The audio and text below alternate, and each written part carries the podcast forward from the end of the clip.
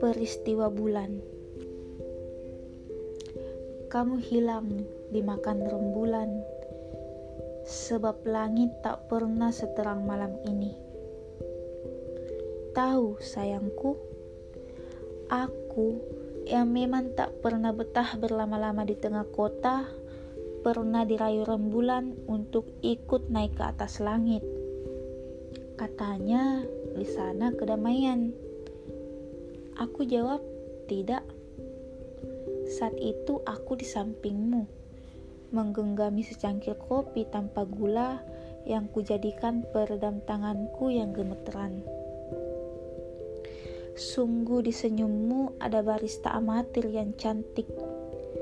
Kopi-kopi jadi manis. Jantungku bergemuruh. Cuaca apa di tubuhku?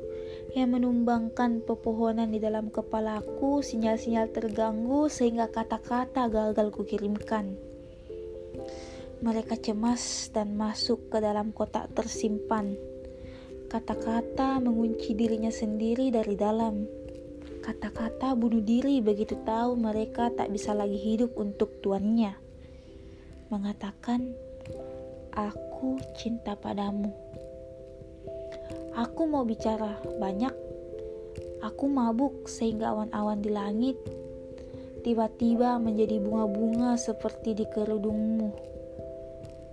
Itu bulan sabit, separuh bayang wajahmu di temaram lampu kedai. Yogyakarta 2016 Dari buku kumpulan puisi oleh-oleh khas Jalan Sunyi Jazuli Imam